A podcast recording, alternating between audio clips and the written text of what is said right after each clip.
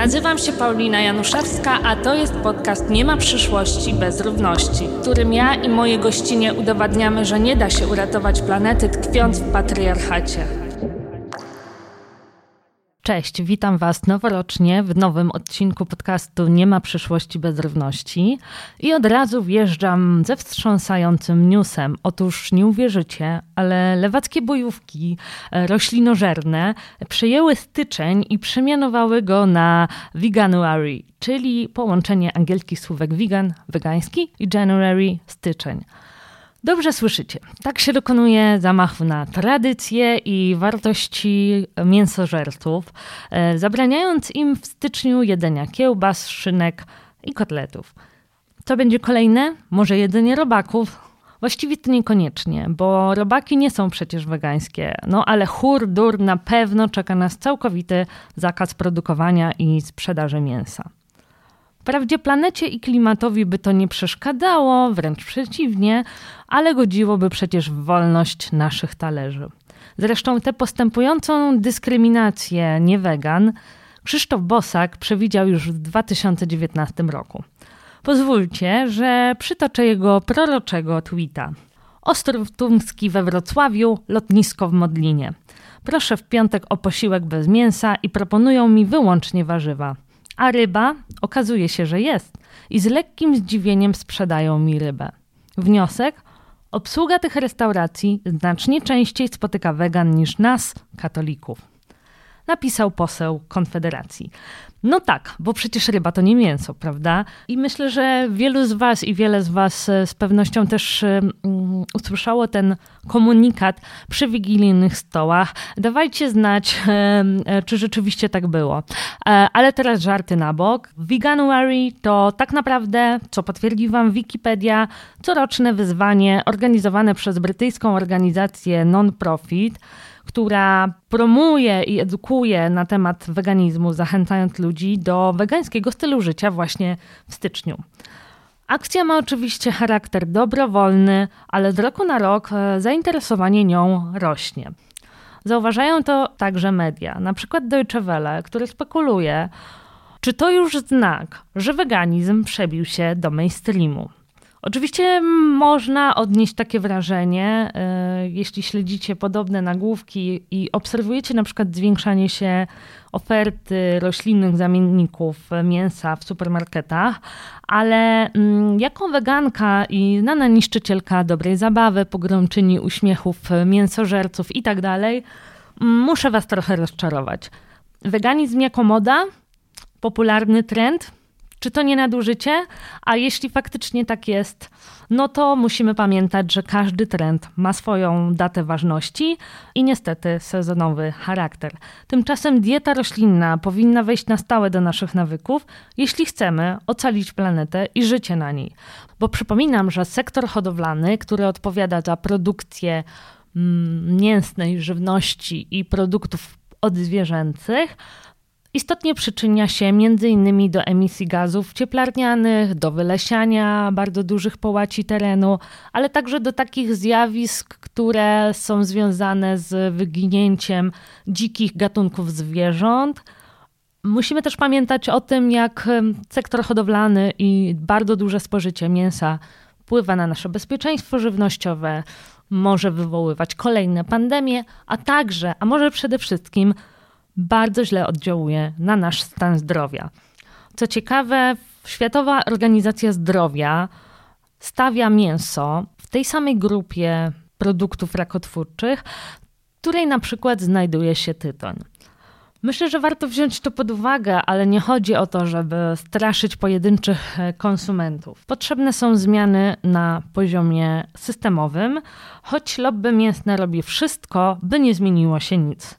W efekcie zamiast tego, o czym pisał Krzysztof Bosak, obserwujemy ogromną proporcję w otrzymywaniu wsparcia systemowego pomiędzy producentami mięsa, nabiału, jajek itd. Tak i tymi, którzy proponują wegańskie alternatywy.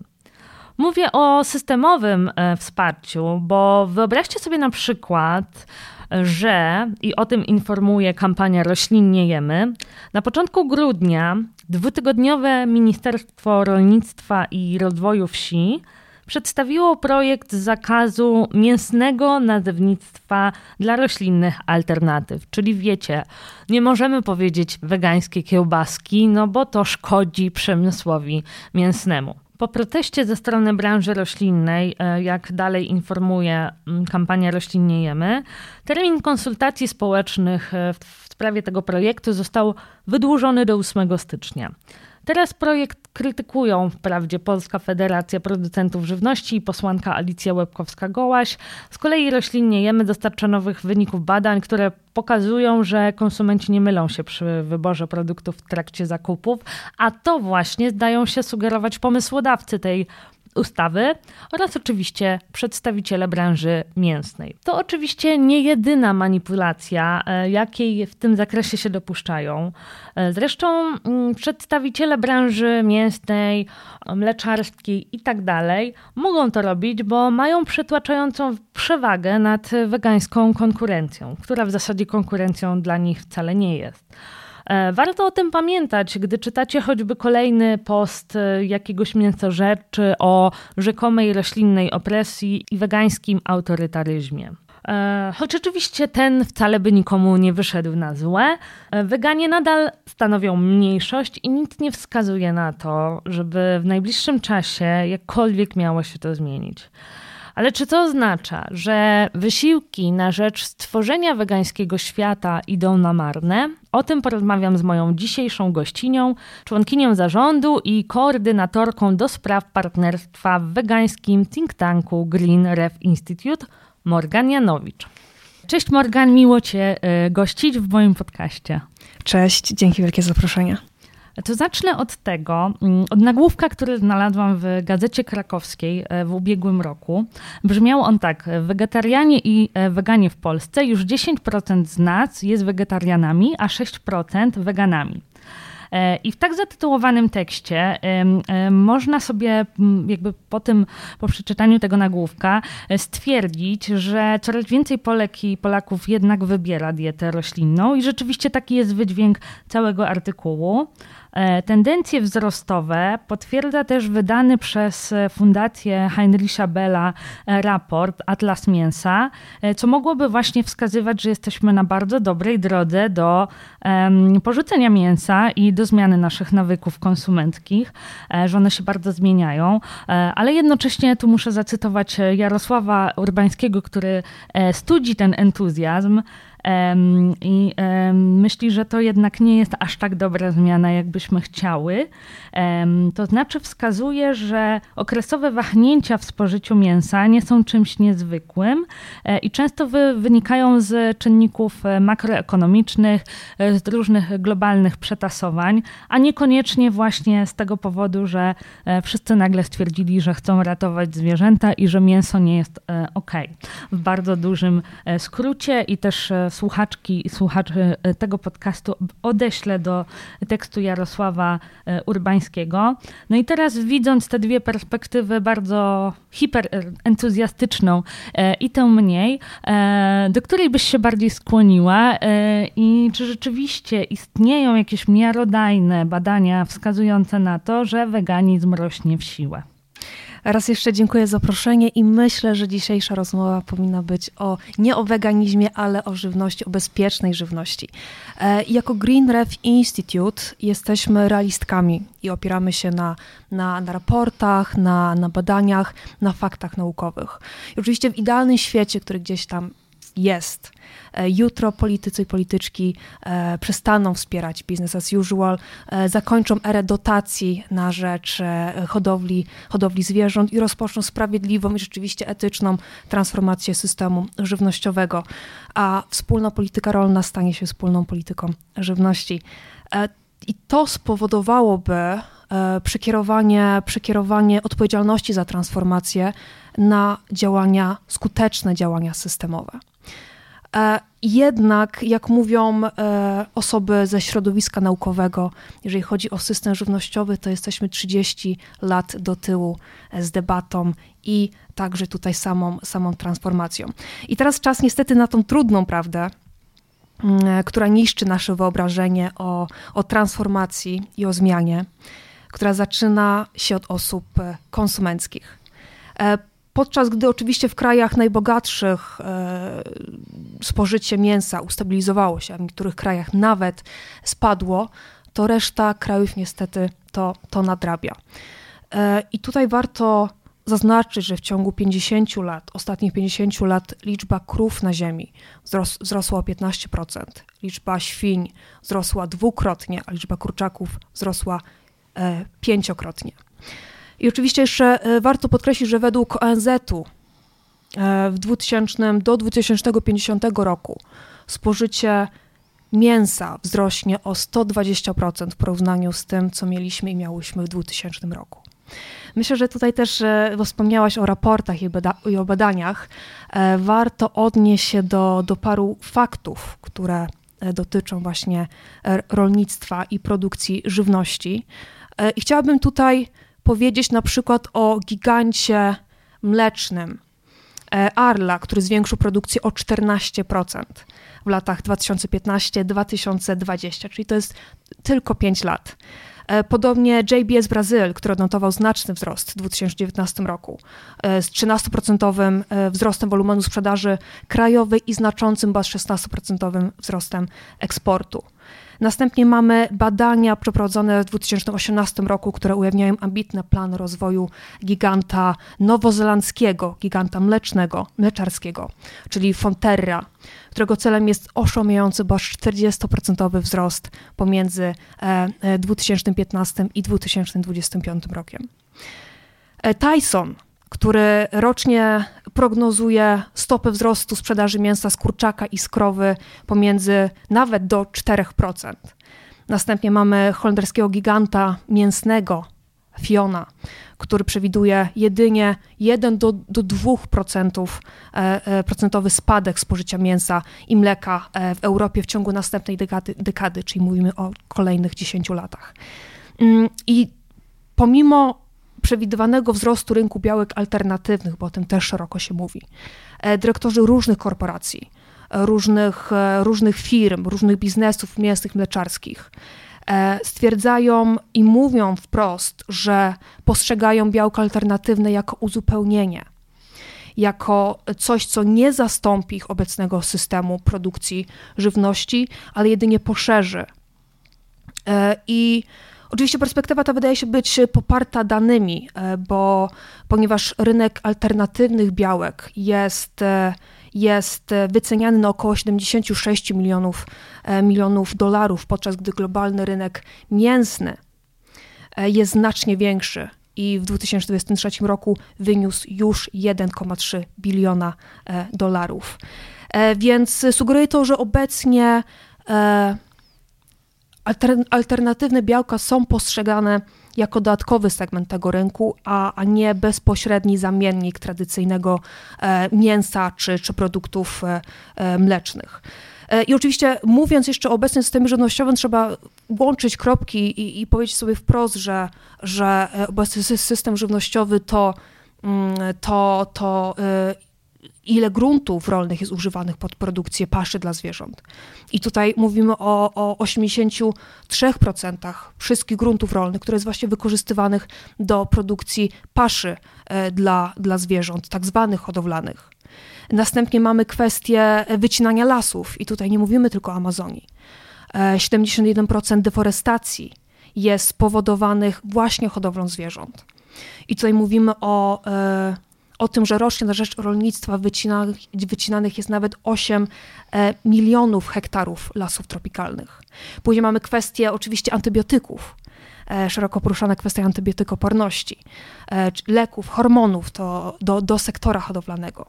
I to około 73% antybiotyków o znaczeniu medycznym sprzedawanych na całym świecie w 2017 roku było właśnie sprzedawanych do sektora hodowlanego.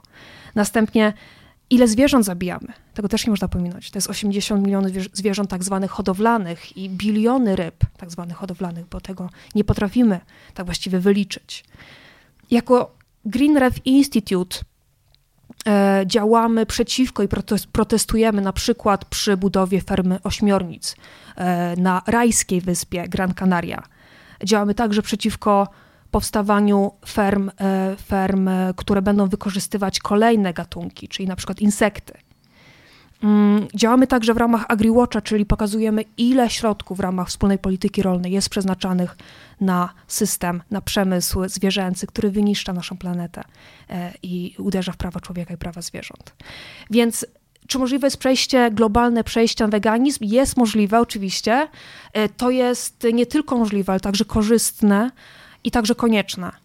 E, I to także myślę, że, że warto zaznaczyć, że wszystko wiedzący chat GP wskazuje, że do 2075 roku większość z nas będzie na diecie wegańskiej, ale warto tutaj także zaznaczyć statystyki GUS-u e, z 2022 roku, które wskazują, że spożycie mięsa w Polsce na osobę wzrosło do ponad 73 kg. No te statystyki wskazują, e, że nie jest zbyt dobrze. 2075 rok. E, no dobra, ja myślałam sobie o Polsce bez mięsa do 2050, e, ale kto wie, kto wie, może właśnie ten postulat stanie się mniej radykalny i, i oczywisty, tak jak Polska bez węgla, która też kiedyś wydawała się całkowicie, to wydawało się jakimś takim kuriozalnym hasłem. Wspomniałaś O tym, e, e, o wykorzystaniu gruntów e, rolnych, o konkurowaniu ze zwierzętami hodowlanymi o żywność, ale także o antybiotyki.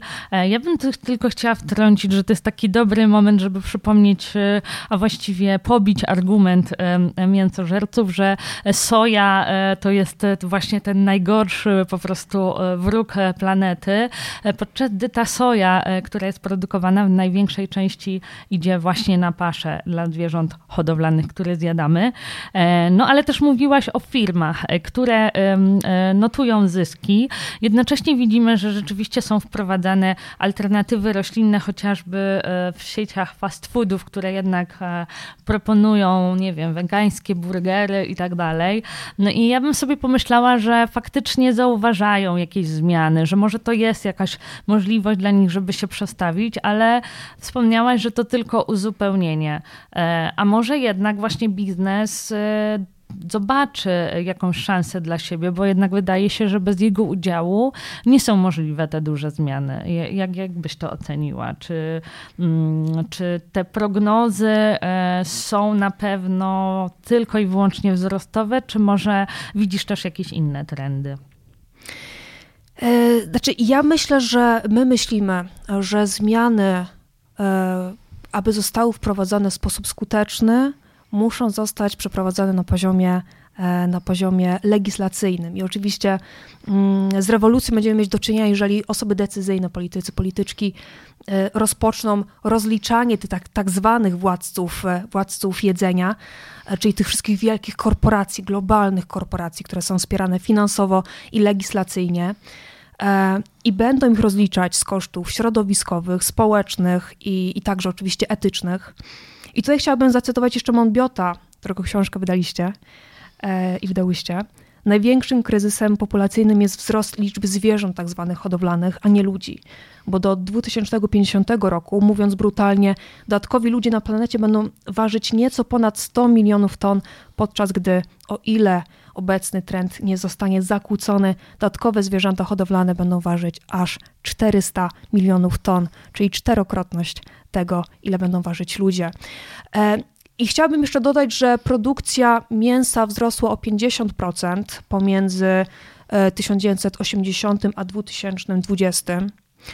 E, I tym samym wzrost tej produkcji jeszcze bardziej przyczynił się do tego, co teraz nas otacza, czyli kryzys klimatyczny, wymieranie bioróżnorodności, uderzanie także w prawa, w prawa człowieka, kryzys zdrowotny.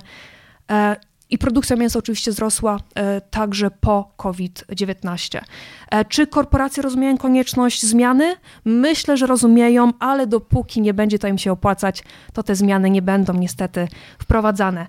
I tutaj chciałabym jeszcze zacytować korporacje, czyli samego dyrektora Tysona, wielkiego e, giganta mięsa, skrufi i kurczaków. E, korporacje traktują roślinne zamienniki czy sukcesorów mięsa na biału jaj jako i, a nie lub. Czyli opcja, a nie zastępstwo. I dodatkowo korporacje nie chcą zostawić tyle swoich finansowych przywilejów. I tutaj mowa na przykład o tym, że w samej Polsce w ramach wspólnej polityki rolnej e, przeznaczymy w latach 2023-2027 4 miliardy e, euro e, dla do, dochodowców. I jako Green Institute chcemy i walczymy o, o naprawę systemu żywnościowego w tym właśnie o przekierowanie tego finansowania na, na e, wytwarzanie żywności w sposób zrównoważony, w taki sposób, który nie uderza w nasze prawa, a naszym podstawowym prawem powinno być e, prawo do zdrowej, do, do dostępu do zdrowej żywności. Mm, tutaj warto jeszcze zaznaczyć, że na 11 funduszy promocji aż 9 funduszy wspiera niestety promocję e, produktów zwierzęcych. Mamy na przykład program Mleko w szkole, które który nie oferuje zamienników roślinnych i oferuje tylko mleko, mleko e, zwierzęce. Następnie mamy też, e, też oczywiście mm, nasze działania, które, które prowadzimy prowadziliśmy w zeszłym roku i będziemy kontynuować w tym roku, e, skierowane do sieci handlowych w Polsce. Sprawdzamy i, pokazuje, i prosimy o pokazanie swoich działań związanych właśnie z emisjami pochodzącymi z mięsa e, i nabiału. Skierowałyśmy swoje zapytania do pięciu największych sieci w Polsce, to jest Żabka, Lidl, Kaufland, e, Dino i Biedronka. Niestety nie otrzymałyśmy odpowiedzi od, od żadnych z nich. Nasz raport jest dostępny już na stronie Future Food for Climate e, i myślę, że to, z czym mogłabym się na ten moment podzielić, nie, nie, nie, nie, nie, nie pokazując zbyt dużo informacji z tego raportu e, i zachęcając jednocześnie osoby, które nas e, słuchają do, do zajrzenia tam. Sieci handlowe pokazują trzy produkty wegańskie, a, a nie zwracają tak właściwie uwagi, zapominają, że mają całe gazetki, aplikacje, że są odpowiedzialne za to, co, jak wyglądają ich korytarze, półki sklepowe, e, a półki sklepowe mówią nam kupuj mięso, kupuj e, mleko zwierzęce. E, więc myślę, że chciałabym także przekazać wszystkim osobom słuchającym fakty dotyczące giganta Cargill, który jest producentem, jednym z globalnych władców jedzenia. E, Cargill jest największą firmą agrobiznesową na świecie i zostało uznana za najbardziej szkodliwą firmę na świecie. Ich działalność rozciąga się przez brazylijską Amazonię i Cerrado i doprowadza do, wy, do wylesiania dużych obszarów przyrody w celu ekspansji hodowli właśnie e, zwierząt tak zwanych e, hodowlanych. Jednocześnie Cargill to jest czwarta najbogatsza rodzina w Ameryce i to jest rodzina, która posiada najwięcej miliarderów w rodzinie e, niż jakakolwiek inna rodzina na naszej planecie. I pomimo rosnącego kryzysu klimatycznego, e, Cargill odnotował rekordowe przychody za lata 2022 i 2023. Jednocześnie ich raportowanie emisji jest również e, zwodnicze ponieważ na przykład firma deklaruje, że jej oficjalne roczne emisje wynoszą jedynie 15 milionów ton, a gdyby uwzględnić emisje wynikające z, e, z uprawy roślin na paszy i przekazywania tej paszy e, zwierzętom, to wówczas jej wpływ na klimat zgodnie z ustaleniami Global Justice Now wyniósłby już około 145 milionów ton, czyli to jest prawie dziesięciokrotność tego, co zostaje nam przekazane. I musimy zrozumieć, że naprzeciwko nas jest, e, e, naprzeciwko nas walce o zrównoważony system żywnościowy o sprawiedliwość żywnościową. Jest, są silni finansowo i legislacyjnie gracze, którzy są powiązani politycznie i mają silne lobby. E, I ważne jest to, aby spojrzeć krytycznie i realnie na obecny system żywnościowy. Politycy i polityczki, sieci, sieci handlowe stoją po stronie mięsa, nabiału i jaj. I, czyli po stronie zysków kilku koncernów bo o rolnikach i rolniczek, rolniczkach już raczej tutaj nie mówimy. No właśnie, bo to też jest ciekawy aspekt. Zresztą właśnie wspomniany przez ciebie George Monbiot w książce Regenedis pokazuje, jak te zależności wyglądają i że tak naprawdę kilku graczy kontroluje rynek żywnościowy co może wydawać się nieoczywiste, ale też właśnie mówisz, że to jest wielka machina lobbyingowa, polityczna i tak dalej. I wydaje się, że stając naprzeciwko niej, nawet jeżeli wybieramy weganizm, no to jesteśmy bezradne i de facto też nasze podatki płyną strumieniami, nawet jeśli rezygnujemy z mięsa, E, czy innych produktów odzwierzęcych właśnie e, do producentów e, mięsa. I myślę sobie o tym, że oczywiście nic nie wydarzy się bez presji społecznej, która jednak musi ciążyć i, i ciągle się zwiększać i dotyczyć przede wszystkim decydentów politycznych. Ale myślę sobie też, żeby ta presja w ogóle powstała, to musi e, nastąpić pewna świadomość e, społeczna dotycząca tego, jak ten e, sektor hodowlany działa, jak produkcja mięsa wygląda, bo tym, co zrobili, wydaje mi się, producenci, to bardzo skutecznie poukrywali swoje praktyki i bardzo skutecznie też poukrywali fakt, że zjadamy istoty.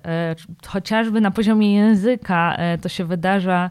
E, nie mówimy e, konkretnie o zwierzętach, ale o kotlecikach, e, kiełbaskach i tak dalej. Nie mówiąc już o tym, że reklamy często pokazują uśmiechnięte świnki zachęcające do konsumpcji. I myślę sobie, mm, jakie jeszcze manipulacje, które być może nie są oczywiste, a stosują je producenci mięsa i innych produktów odzwierzęcych, mm, jak, no właśnie, jakie manipulacje stosują, co to jest, e, jak możemy je e, właśnie tutaj wyeksponować po to, żeby jednak w naszych słuchaczkach wywołać pewne być może nieoczywiste wrażenie i wnioski. I może to jest właśnie klucz do tego, żeby ta presja społeczna i to oburzenie powstawało. Myślę, że tu bardzo ważną rzecz powiedziałeś, że nie łączymy rzeczywiście kropek, nie łączymy naszych talerzy z, z, z kryzysem klimatycznym. I to właśnie też wyszło podczas e, rozmowy z naszym partnerem ze Szwajcarii, który przeprowadził kampanię e, przeciwko fermom przemysłowym chcieli zakazać ferm przemysłowych w Szwajcarii. Niestety e, kampania się nie udała i nie dała się dlatego, że nie łączymy kropek i nie łączymy naszych talerzy z pogłębiającym się kryzysem klimatycznym e, i innymi kryzysami, które się nakładają.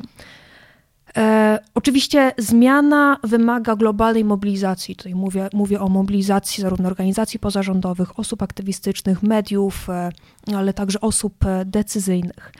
E, I to jest. E, I to jest, te zmiany są potrzebne zarówno w szkołach, przedszkolach, szpitalach czy w innych przestrzeniach. Obecnie wszechstronnie wciąż słyszymy pij mleko, będziesz wielka.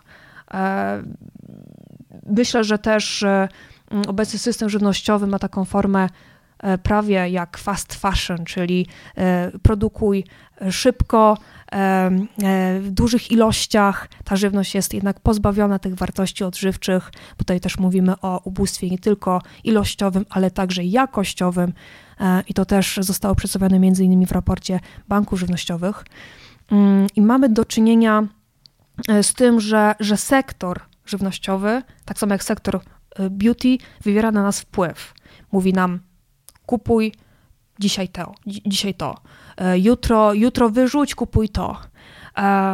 I ja myślę, że powinniśmy sobie zdać z tego sprawę, że nasz talerz nie jest naszą prywatną sprawą, bo za niego płacimy realnie bez świadomości. Mm, bo przez niego chorujemy, przez niego mamy e, zanik bioróżnorodności, e, mamy e, kłopot z antybiotykopornością, żywność, którą spożywamy jest jakościowo zła i tak właściwie my jesteśmy skazani i skazane jako osoby konsumenckie na spożywanie takiej żywności. Mm, o, oczywiście jako Green Institute, jako koalicja Future Food for Climate, którą zainicjowałyśmy, naszym zadaniem jest wywieranie presji na osobach decyzyjnych e, i robimy to codziennie. I to jest nasza, nasza praca i to jest y, wymagające, ale y, wymaga to przede wszystkim krytycznego spojrzenia na obietnice versus to, jakie działania są podejmowane, bo to nie chodzi tylko o to, e, że w trakcie kampanii słyszymy tyle pięknych słów. Ważne jest to, aby, aby jednak zweryfikować, czy te piękne słowa e, dojdą do, do spełnienia bo taka prawda jest, że dopóki nie, nie otrzymamy gotowego dokumentu na naszym stole, to nasza praca nie jest skończona. To są także działania strażnicze i tutaj jako REF mówimy sprawdzam w ramach wydatkowania funduszy w ramach wspólnej polityki rolnej w projekcie AgriWatch, który prowadzimy. Pilnujemy także wdrażania legislacji. To są też działania mm, rzecznicze, czyli my dostarczamy e, danych, faktów, e, raportów e, w sprawie żywności w szkołach, przedszkolach, w szpitalach. I tu jest nasz projekt Rzeczniczy Roślinne Posiłki, który też będziemy kontynuować w tym roku z naszymi partnerami. Walczymy także o prawo do informacji dla osób konsumenckich, o przeciwdziałanie marnowaniu żywności. Zajmujemy się także zamówieniami publicznymi, no i oczywiście wydatkowanie środków publicznych, które, które na ten moment wspierają sektor, sektor hodowlany. Następnie oczywiście prowadzimy kampanie społeczne, aby zwiększyć tą świadomość osób, które są skazane, bo niestety jesteśmy skazani, skazane na tą niezdrową, niezdrową żywność. E, na pewno też budujemy świadomość w ramach naszego projektu Green Advocacy Academy, czyli to jest projekt skierowany do osób młodych, e, e, także budujemy debatę poprzez European Vegan Summit, E, oraz w trakcie naszych reportaży. E, I teraz będziemy wydawać nasz trzeci reportaż e, Katastrofa na talerzu, który będzie mieć premierę już, już niedługo, więc także zapraszam osoby słuchające do obserwowania nas i naszych, naszych działań. E, nasz najnowszy raport, nasz najnowszy reportaż, przepraszam, będzie obejmować ważną kwestię, ponieważ dostępności do wegańskich posiłków i naszej walki, naszej i naszych partnerów walki o to, aby ta żywność rzeczywiście była dostępna, bo na ten moment e, niestety osoby, które ze względów światopoglądowych albo ze względów zdrowotnych chcą przyjmować taką, taką, taką żywność, chcą, chcą mieć dostęp do takiej żywności, często takiej e, możliwości niestety, niestety nie mają. E, więc myślę, że to jest bardzo dużo elementów, które e, trzeba łączyć, żeby skutecznie wprowadzać te zmiany, ale nie oszukujmy się, rok 2023 był rokiem wielu obietnic i to na poziomie krajowym, i to na poziomie Unii Europejskiej. Czekałyśmy wraz z naszymi partnerami na poziomie krajowym na poziomie europejskim o, na przedstawienie E, ram legislacyjnych zrównoważonego systemu żywnościowego, które miało zostać przedstawione we wrześniu 2023 e, roku, niestety nie zostały przedstawione.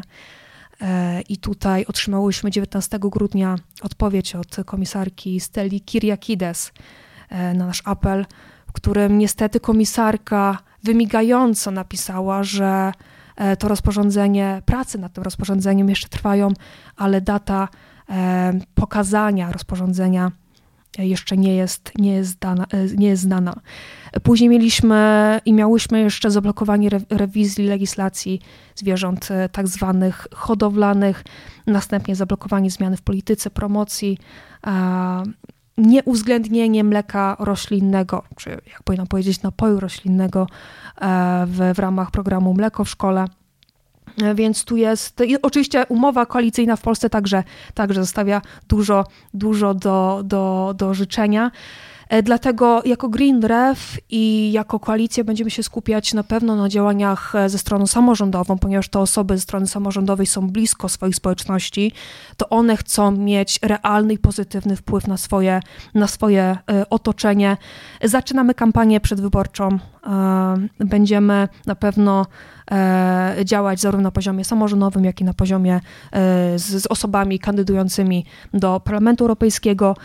Będziemy dalej pracować e, nad wprowadzeniem, mamy nadzieję, w końcu pierwszej lokalnej polityki żywnościowej w Polsce, ponieważ takich polityk w Polsce jeszcze nie mamy ani jednej. Mamy projekt w Warszawie, mamy pracę e, we Wrocławiu, e, no i czekamy na tą pierwszą lokalną politykę żywnościową. I będziemy na pewno dalej krytycznie, transparentnie i rzetelnie rozliczać system produkcję e, zwierzęcą. Będziemy działać jako rzeczniczki dla przyszłości, dla, dla, dla zwierząt, dla praw człowieka. No i oczywiście będziemy dalej mobilizować organizacje pozarządowe i, i angażować się w działania strażnicze i rzecznicze.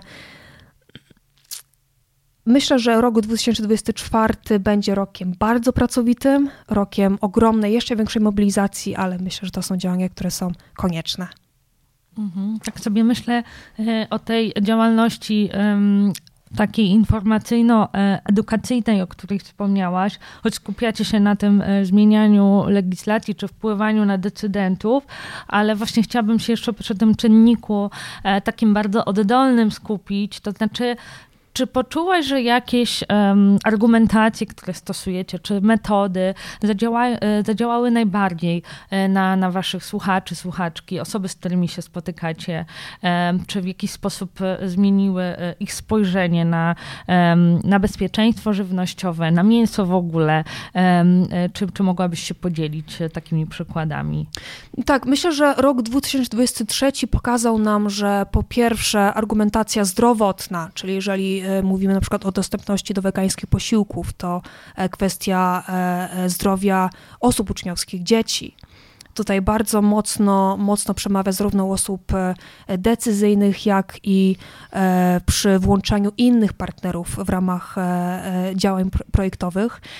Później mogę się jeszcze podzielić naszą naszą ewaluacją projektu w ramach Green Advocacy Academy, kiedy przeprowadzałyśmy rozmowy z osobami uczestniczącymi, to były osoby od 14 do 24 roku życia i te osoby często y, to był ich pierwszy, pierwsza styczność tak właściwie z systemem żywnościowym, bo y, nigdy przedtem nie łączyły kropek w taki sposób, że nie, nie, nie włączały talerzy do kryzysu klimatycznego.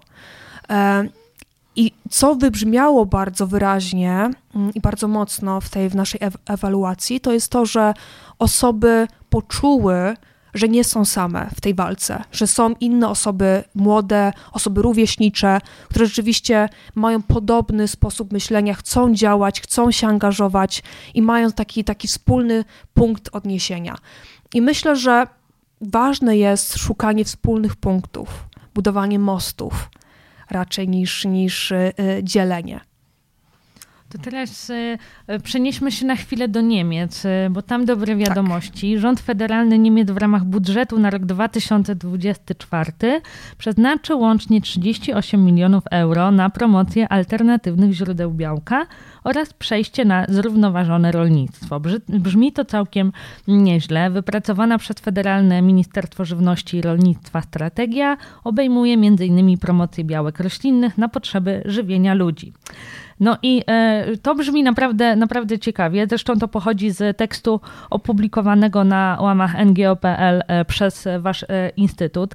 No i myślę sobie, dlaczego Niemcom się udaje Albo czy w ogóle ta, e, te pomysły są tak, e, powinniśmy przyjmować tak e, entuzjastycznie, jak tutaj napisano, czy może kryją się tam jeszcze jakieś luki. No ale jak, zanim odpowiesz, to pierwsze pytanie moje brzmi, dlaczego, dlaczego Niemcom się udaje, a na przykład Polsce nie. No i też wiemy, że w Unii Europejskiej, no właśnie, miało być dużo, dużo ciekawych planów. Strategia od pola do stołu chyba też miała zawierać te wszystkie kwestie dotyczące bezpiecznego e, żywienia i być może zmiany e, w jego sposobie i w sposobach produkcji. E, więc sobie myślę, no właśnie, o co chodzi? O co chodzi? Tak. Po pierwsze, Unia Europejska uwielbia nazywać siebie liderką zielonej transformacji. Niestety w praktyce to wygląda zupełnie inaczej. Jeżeli chodzi o Danię, Dania rzeczywiście jest tym pierwszym krajem, która stworzyła swój krajowy plan e, przejścia na e, dietę roślinną i to są głównie działania edukacyjne, które są skierowane do ogółu społeczeństwa, ale także do konkretnych grup, czyli na przykład osób, które przygotowują posiłki, e, posiłki w szkołach. E, później mamy jeszcze, jeszcze, jeszcze Niemcy, którzy rzeczywiście e, stworzyli, e, stworzyli swój plan w ramach budżetu na rok 2024, ale także mamy przecież przykłady w Niderlandach. Trzy gminy czyli dwie kolejne po Harlemie, planują zakazu promocji mięsa w miejscach publicznych. Więc te zmiany rzeczywiście zachodzą. E, w Unii Europejskiej. Tutaj e, Polska jeszcze jest e, trochę, nie jesteśmy na tym etapie, co byśmy chciały, oczywiście. Myślę, że to liderstwo zmiany na lepsze, to liderstwo Unii Europejskiej w większości zaczyna się przed, przed wyborami i kończy się krótko po wyborach. I tak to wygląda w praktyce. Rok 2023 był rokiem wielu obietnic, wielu niespełnionych obietnic. Mm, we wrześniu miały zostać e, przedstawione właśnie ramy zrównoważonego systemu żywnościowego. Miało być e, to rozporządzenie, które miało regulować dostęp do informacji dla osób konsumenckich, e, także przeciwdziałać marnowaniu żywności, regulować kwestie, kwestie oznakowania i wyżywiania zbiorowego i oczywiście zamówień publicznych. No i to się nie udało. Później ta odpowiedź, o której już e, wspomniałam, 19 grudnia od komisarki Steli Kyriakides, która powiedziała wprost, że ona, że jeszcze nie wiadomo, kiedy dokładnie ramy zrównoważonego systemu żywnościowego zostaną mm, udostępnione, to także jest bardzo, bardzo niepokojące i to pokazuje, w jakim kierunku niestety e, idziemy. To będzie kierunek bardziej konserwatywny, bardziej zachowawczy.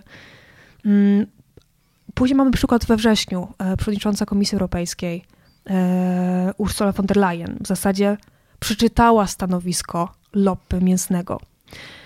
Dlaczego to się nie udaje na poziomie Unii Europejskiej? Bo mówimy o bardzo dużych graczach. Mówimy o graczach rynkowych, e, którzy produkują, którzy zdominowali produkcję naszej żywności.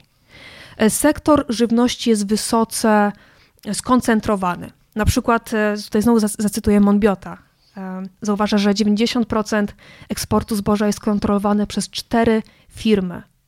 I firmy te również konsolidują się pionowo, e, kupując nasiona, nawozy, e, przetwórstwo, e, także opakowania, dystrybucję i handel detaliczny. Następnie mamy kolejne cztery firmy, które kontrolują 66% światowego rynku chemikaliów rolniczych, podczas gdy podobny klaster E, posiada 53% globalnego rynku nasion. I z czego żyje ten system? Tutaj e, w ramach e, raportu Planet Proofing the Global Food System, który został opublikowany w 2020 roku, czytamy, że niedawno ocena wskazuje, że ukryte koszty globalnych systemów żywnościowych i użytkowania gruntów wynoszą 12 bilionów dolarów w porównaniu z wartością obecnego systemu żywnościowego, który wynosi 10 bilionów dolarów. Więc jeśli obecnie, obecny trend będzie się utrzymywać, to te koszty będą wzrastać i wzrosto, wzrosną do 13 bilionów e, dolarów rocznie do 2030 roku. I planeta to e, planeta nie tylko subsydiuje globalny system żywnościowy na poziomie, który prawdopodobnie przekracza e, jego globalną wartość rynkową. Ale system żywnościowy również otrzymuje ogromne bezpośrednie dotacje od rządów na całym świecie. To nie mówię tylko o, o Unii Europejskiej. E, więc myślę, że z czym chciałabym tutaj, z jaką myślą chciałabym tutaj e, wszystkich z Państwa zostawić, to 2023 rok to rok, kiedy unijny, unijni politycy i polityczki podali dłoń i środki finansowe lobby hodowlanemu. Zablokowali zmiany w polityce promocji, zablokowali legislację dla zrównoważonego systemu żywnościowego i nie uwzględnili mleka e, w roślinnego finansowaniu. Zablokowali także rewizję legislacji dla, dla zwierząt tak zwanych, tak zwanych hodowlanych. Myślę, że tutaj dużo, dużo, dużo elementów się nałożyło na to, że niestety to jest kolejny rok stracony. To jest kolejny rok, e, którym mogliśmy zrobić o wiele więcej, a zrobiliśmy nawet nie wiem, czy, czy, czy minimum, bo mamy wciąż grupę paru graczy, bardzo małą grupę graczy, którzy nie tylko są moralnymi i klimatycznymi bankrutami, ale są bankrutami, bo nasze podatki trzymają ich przy życiu. E, i dalej wzmacniają ich rozwój. Dlatego zmiana jest trudna, bo wiąże się z odebraniem pewnych przywilejów. To są środki finansowe, to jest legislacja i to jest rozpoczęcie rozliczania tych, tych, tych korporacji. I to będzie kosztować wiele determinacji i odwagi. A tej odwagi niestety brakuje i osobom decyzyjnym, i mediom. E, wracając teraz na poziom krajowy, Polska to jest liderka produkcji mięsa z kurczaka oraz e, e, produkcji, produkcji nabiału. I nagle mówimy o świecie, w którym biznes hodowlany wmówił nam, że mięso to produkt naturalny, że to zbiór, e, zamiast mówić wprost, że to jest zbiór, że to jest zbiór chorób, cywilizacyjnych, czy, czy antybiotyków oraz oczywiście cierpienia. Biznes zapomina, znaczy nie mówi nam wprost o tym, że czas na zmianę, czas na inną gospodarkę, bo tu chodzi o zyski. E, a czas jest na nową gospodarkę, która rzeczywiście postawi planetę na pierwszym miejscu, która postawi nasze prawo do życia w czystym środowisku na pierwszym miejscu, prawo do dostępu do zdrowej żywności. I jestem pewna, że dla, dla wielu osób,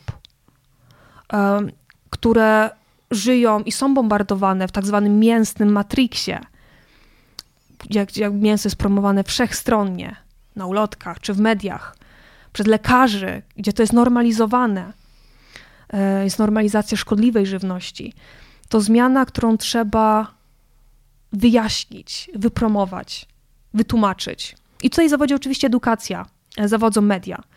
E, I oczywiście media są częściowo odpowiedzialne za tą, za tą lukę w świadomości. Na przykład mm, tylko 70 z tysiąca artykułów na temat klimatu, czyli 7%, które zostało przeanalizowane przez Faunalytics w 2023 roku, szczegółowo wspominało o wpływie rolnictwa zwierzęcego na kryzys klimatyczny. Mm, I to jest kogarstka. To jest wciąż za mało. W większości artykułów, w których wspomniano o hodowli zwierząt, nie omówiono kwestii emisji e, czy, czy degradacji środowiska. Kiedy omawiano diety, skuteczność diet roślinnych była czasami bagatelizowana lub częściej niż inne przedstawiana niemal jako refleksja, a nie uzasadniona strategia łagodzenia tych zmian klimatycznych. I myślę, że to też dobrą naukę otrzymałyśmy od naszych partnerów, o których wspomniałam już ze, ze Szwajcarii. Oni powiedzieli i przekazali nam takie podsumowanie swojej kampanii, która miała na celu e, zakazanie ferm przemysłowych w Szwajcarii. Powiedzieli, że niestety porażką jest to, że wciąż nie łączymy naszych talerzy z kryzysem klimatycznym.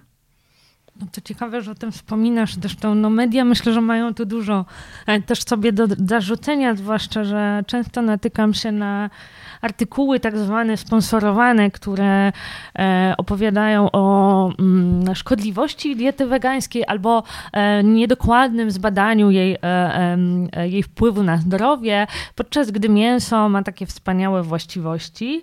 No i potem się okazuje, że sponsorem tego artykułu, ale to już drobniejszym drukiem, jest jakaś firma drobiarska. I to, to niestety zdarzyło się co najmniej kilkakrotnie w moim przypadku, a myślę, że gdybym zrobiła większy research, to byłoby tego sporo. Tak. Ale może dla własnego zdrowia psychicznego na razie e, porzucę ten temat. Myślę sobie też o tym, właśnie wspominałaś e, o tym, e, zresztą pytałam cię też o ten poziom krajowy. No i teraz sobie tak myślę, skoro jesteśmy tymi liderami chociażby w produkcji drobiu, to czy możemy w ogóle liczyć na to, że zmiana rządu, na ten, który no pokazuje się jako ten bardziej progresywny, e, powiem to w cudzysłowie, ale mm, no wydaje się, że chce się jakoś tam odróżniać od e, poprzednich decydentów. Czy wy jako organizacja jednak e, zauważyliście jakieś zmiany, albo może chęć dyskusji z nowymi rządzącymi? Czy jest tam jakikolwiek promień światła e, zielonego, e, bardziej e, przyjaznego planecie, czy w ogóle weganizm, czy kwestie diety roślinnej są poruszane, być może w dokumentach, propozycjach, ustawach, które już ten rząd proceduje. Tak, jako Green Institute prowadzimy już rozmowy z, z osobami decyzyjnymi praktycznie od końca zeszłego roku. E, widzimy taką różnicę, że osoby decyzyjne, czy na poziomie e, krajowym, czy samorządowym, coraz częściej się do nas zgłaszają z, z, z pytaniami o rekomendacje, o raporty, o opinie mm, i padają konkretne pytania, e, co z tym systemem żywnościowym. Padają konkretne już jakieś propozycje. Myślę, że to jest duża różnica i bardzo mocno chciałabym, zachęcić wszystkie osoby decyzyjne, które nas słuchają, do tego, aby, aby poruszali temat systemu żywnościowego, aby kontaktowali się z nami. My tutaj naprawdę mamy ogromne zasoby i z chęcią przekażemy najnowsze dane, raporty, fakty e, czy, czy rekomendacje. To ja też sobie tego życzę na ten nowy rok, ale jeszcze zatrzymam się przy bezpieczeństwie żywnościowym. Wprawdzie też warto wspomnieć o tym, że dużymi krokami zbliżają się wybory do Europarlamentu, więc wydaje mi się, że to też jest taki moment, e, w którym warto zwrócić na to uwagę i wybierać osoby, które będą o to walczyć, ale właśnie obok e, samej diety roślinnej, no też mamy marnowanie żywności i zastanawiam się, jak to jest możliwe, że z jednej strony no, idziemy do przodu jako świat e, i e, marnujemy na potęgę żywność, a z drugiej e, rośnie głód na świecie, bo od około 8 lat znów mamy do czynienia z tym procesem. Monbiot zresztą o tym pisze szeroko w swojej książce, ale ci, którzy jeszcze i te, które nie miały okazji przeczytać, myślę, że dobrze byłoby, żeby dowiedziały się od nas, o co chodzi, że te dwie e, skrajne procesy wydarzają się jednocześnie. Tak, i tutaj bardzo prawidłowo wskazałaś, że mamy nie tylko nieefektywną produkcję, ale także nieefektywną dystrybucję żywności. I żyjemy w świecie, e, gdzie globalnie wyrzucamy około 1 trzeciej produkowanej żywności, jednocześnie ponad 900 milionów e, ludzi E, głoduje na całym świecie. I to jest planeta nierówności. I oczywiście te nierówności zostały jeszcze pogłębione po COVID-19. Jednocześnie na terenie Unii Europejskiej 58 milionów osób, Europejek i Europejczyków nie ma dostępu do zdrowej, do zdrowej żywności. Produkcja żywności zwierzęcej jest nieefektywna i ma bezpośredni wpływ na, na pogłębiający się kryzys e, klimatyczny, na pogłębiający się kryzys bezpieczeństwa żywnościowego na świecie. I tutaj warto zaznaczyć, że e, tylko 18% kalorii jest pochodzenia e, zwierzęcego globalnie. Największa część globalnego zużycia antybiotyków odnosi się do zwierząt tak zwanych hodowlanych. I nie tak dawno mogłyśmy usłyszeć przecież o, o, o, um, o mięsie z kurczaka w supermarketach e, na Wyspach Wielkiej Brytanii.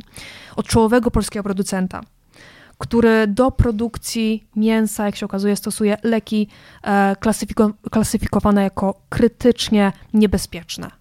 Od 2020 roku Polska jest także źródłem ponad 50% E, poważnych przypadków zakażeń salmonellą w mięsie pochodzącym z Unii Europejskiej. E, podczas naszego spotkania mm, e, z, w ramach inicjatywy na Rzecznik z Rzecznikiem Praw Obywatelskich mówiłyśmy o tym, że Polska zajmuje drugie miejsce w Europie pod względem zużycia w hodowli zwierząt antybiotyków najsilniejszych w leczeniu chorób ludzi. Jednocześnie Polska wciąż nie, e, nie zaimplementowała unijnego rozporządzenia z dnia 11 grudnia 2018 roku w sprawie weterynaryjnych produktów e, leczniczych co pociąga za sobą m.in. brak stosowanych przepisów karnych za niestosowanie się do norm przewidzianych w rozporządzeniu. E, pytanie dlaczego to pytanie, dlaczego politycy i polityczki nie chcą zmiany? Komu opłaca się wciąż wspieranie tego hodowlanego bankruta. I to nie pytanie o żywność, to pytanie o, o, o sprawiedliwość i o solidarność społeczną i klimatyczną. Ubóstwo żywnościowe, jakościowe i ilościowe, antybiotykoporność, choroby cywilizacyjne, astma. Po prostu mamy świat, e, w którym czas przypomnieć, że zyski niewielu, tej małej grupy, nie budują przyszłości że czas na zmianę i czas na prawdziwą naprawę systemu, że czas na solidarność żywnościową, a nie luksus zdrowia i zdrowej żywności. I brakuje nam zdecydowanie przekierowania funduszy na rozwój etycznej żywności, brakuje nam legislacji, która broniłaby nas i naszą planetę e, przed przemysłem. W Parlamencie Europejskim mamy zaledwie jedną posłankę, doktorkę Sylwię Spurek, która w rankingu polityków i polityczek Compassion in World Farming miała 100% głosowań dla zwierząt i dla transformacji żywności. W Polsce mamy kilkunastu radnych. Oczywiście, tak jak wspomniałeś, zbliżają się wybory i czas jest e, wybrać polityków, polityczki, którzy przez żołądek, tak powiem, naprawią płuca ziemi, uratują zwierzęta e, i ochronią nas, obywateli, obywatelki, przed władcami jedzenia, czyli przed koncernami. Wspomniałaś o wielu e, działaniach, które e, podejmowałyście jako Green Rev Institute. E, to chciałabym też Was zapytać, i częściowo też mówiłaś o planach, ale co jeszcze planujecie na 2024 rok? Może na przekór temu myśleniu, że to kolejny rok stracony dla zwierząt, ale jednak cały czas nie ustajecie w tych wysiłkach. Co dokładnie wydarzy się w tych najbliższych miesiącach, w ciągu tego roku. E, I czy może masz jakieś życzenia e, z tym e, związane, które, którymi chciałabyś się podzielić? Mhm. Rok 2024 to jest jeszcze czas na prawa zwierząt, to prawda. Jako REF walczymy o zdjęcie zwierząt z talerzy, bo to jest podstawa budowania solidarnego świata, a nie świata, którym słabszych się wykorzystuje w imię, w imię naszych zysków. Ten rok to także jest momentum dla wyborów i samorządowych, i do Parlamentu Europejskiego, e, a także moment na, na sprawdzenie, czy w Polsce zostanie przyjęta ustawa dotycząca zakazu hodowli na futra. Dla nas e, w 2024 roku, e, czy ten rok na pewno jest rokiem wyborczym, to jest kolejny rok dla roślinnych posiłków, czyli zwiększenia dostępności do wegańskich posiłków w szkołach i przedszkolach. E, to, jest, to są działania na rzecz lokalnych polityk żywnościowych. E, to jest rok, w którym zawalczymy o prawo dostępu do zdrowej żywności w ramach e, Corporate Advocacy, czyli programu, który kierujemy do największych sieci handlowych w Polsce. I dlatego właśnie żywność jest kluczowa dla, dla, dla, praw, dla praw zwierząt, bo naprawa systemu żywności i transformacja do systemów roślinnych to wyzwolenie miliardów zwierząt, tak zwanych hodowlanych. E, I oczywiście prawa, prawa zwierząt jeszcze nie dzisiaj, ale to nie powód do poddania się, ale do mobilizacji, przegrupowania i jeszcze silniejszego działania. No ja mam nadzieję, że nowy rząd jednak się pokusi o to, żeby powołać rzecznika albo rzeczniczkę e, praw zwierząt. E, bardzo myślę, żeby się taki urząd przydał, choć tak naprawdę wystarczyłoby, gdyby też lepiej stosowano i wypełniano te prawa, które już mamy i to również na poziomie e, unijnym, jak wspominałaś, nie wszystkie e, rozporządzenia zostały zaimplementowane. E, no ale mam, nie, nie można ustawać tutaj w nadziejach i działaniach. Bardzo Ci dziękuję za tę rozmowę i mam nadzieję, że, że Wasze plany się powiodą. No a ja wszystkim nam na nowy 2024 rok życzę wegańskiego świata. Dzięki. Go vegan and stay vegan. Dzięki wielkie.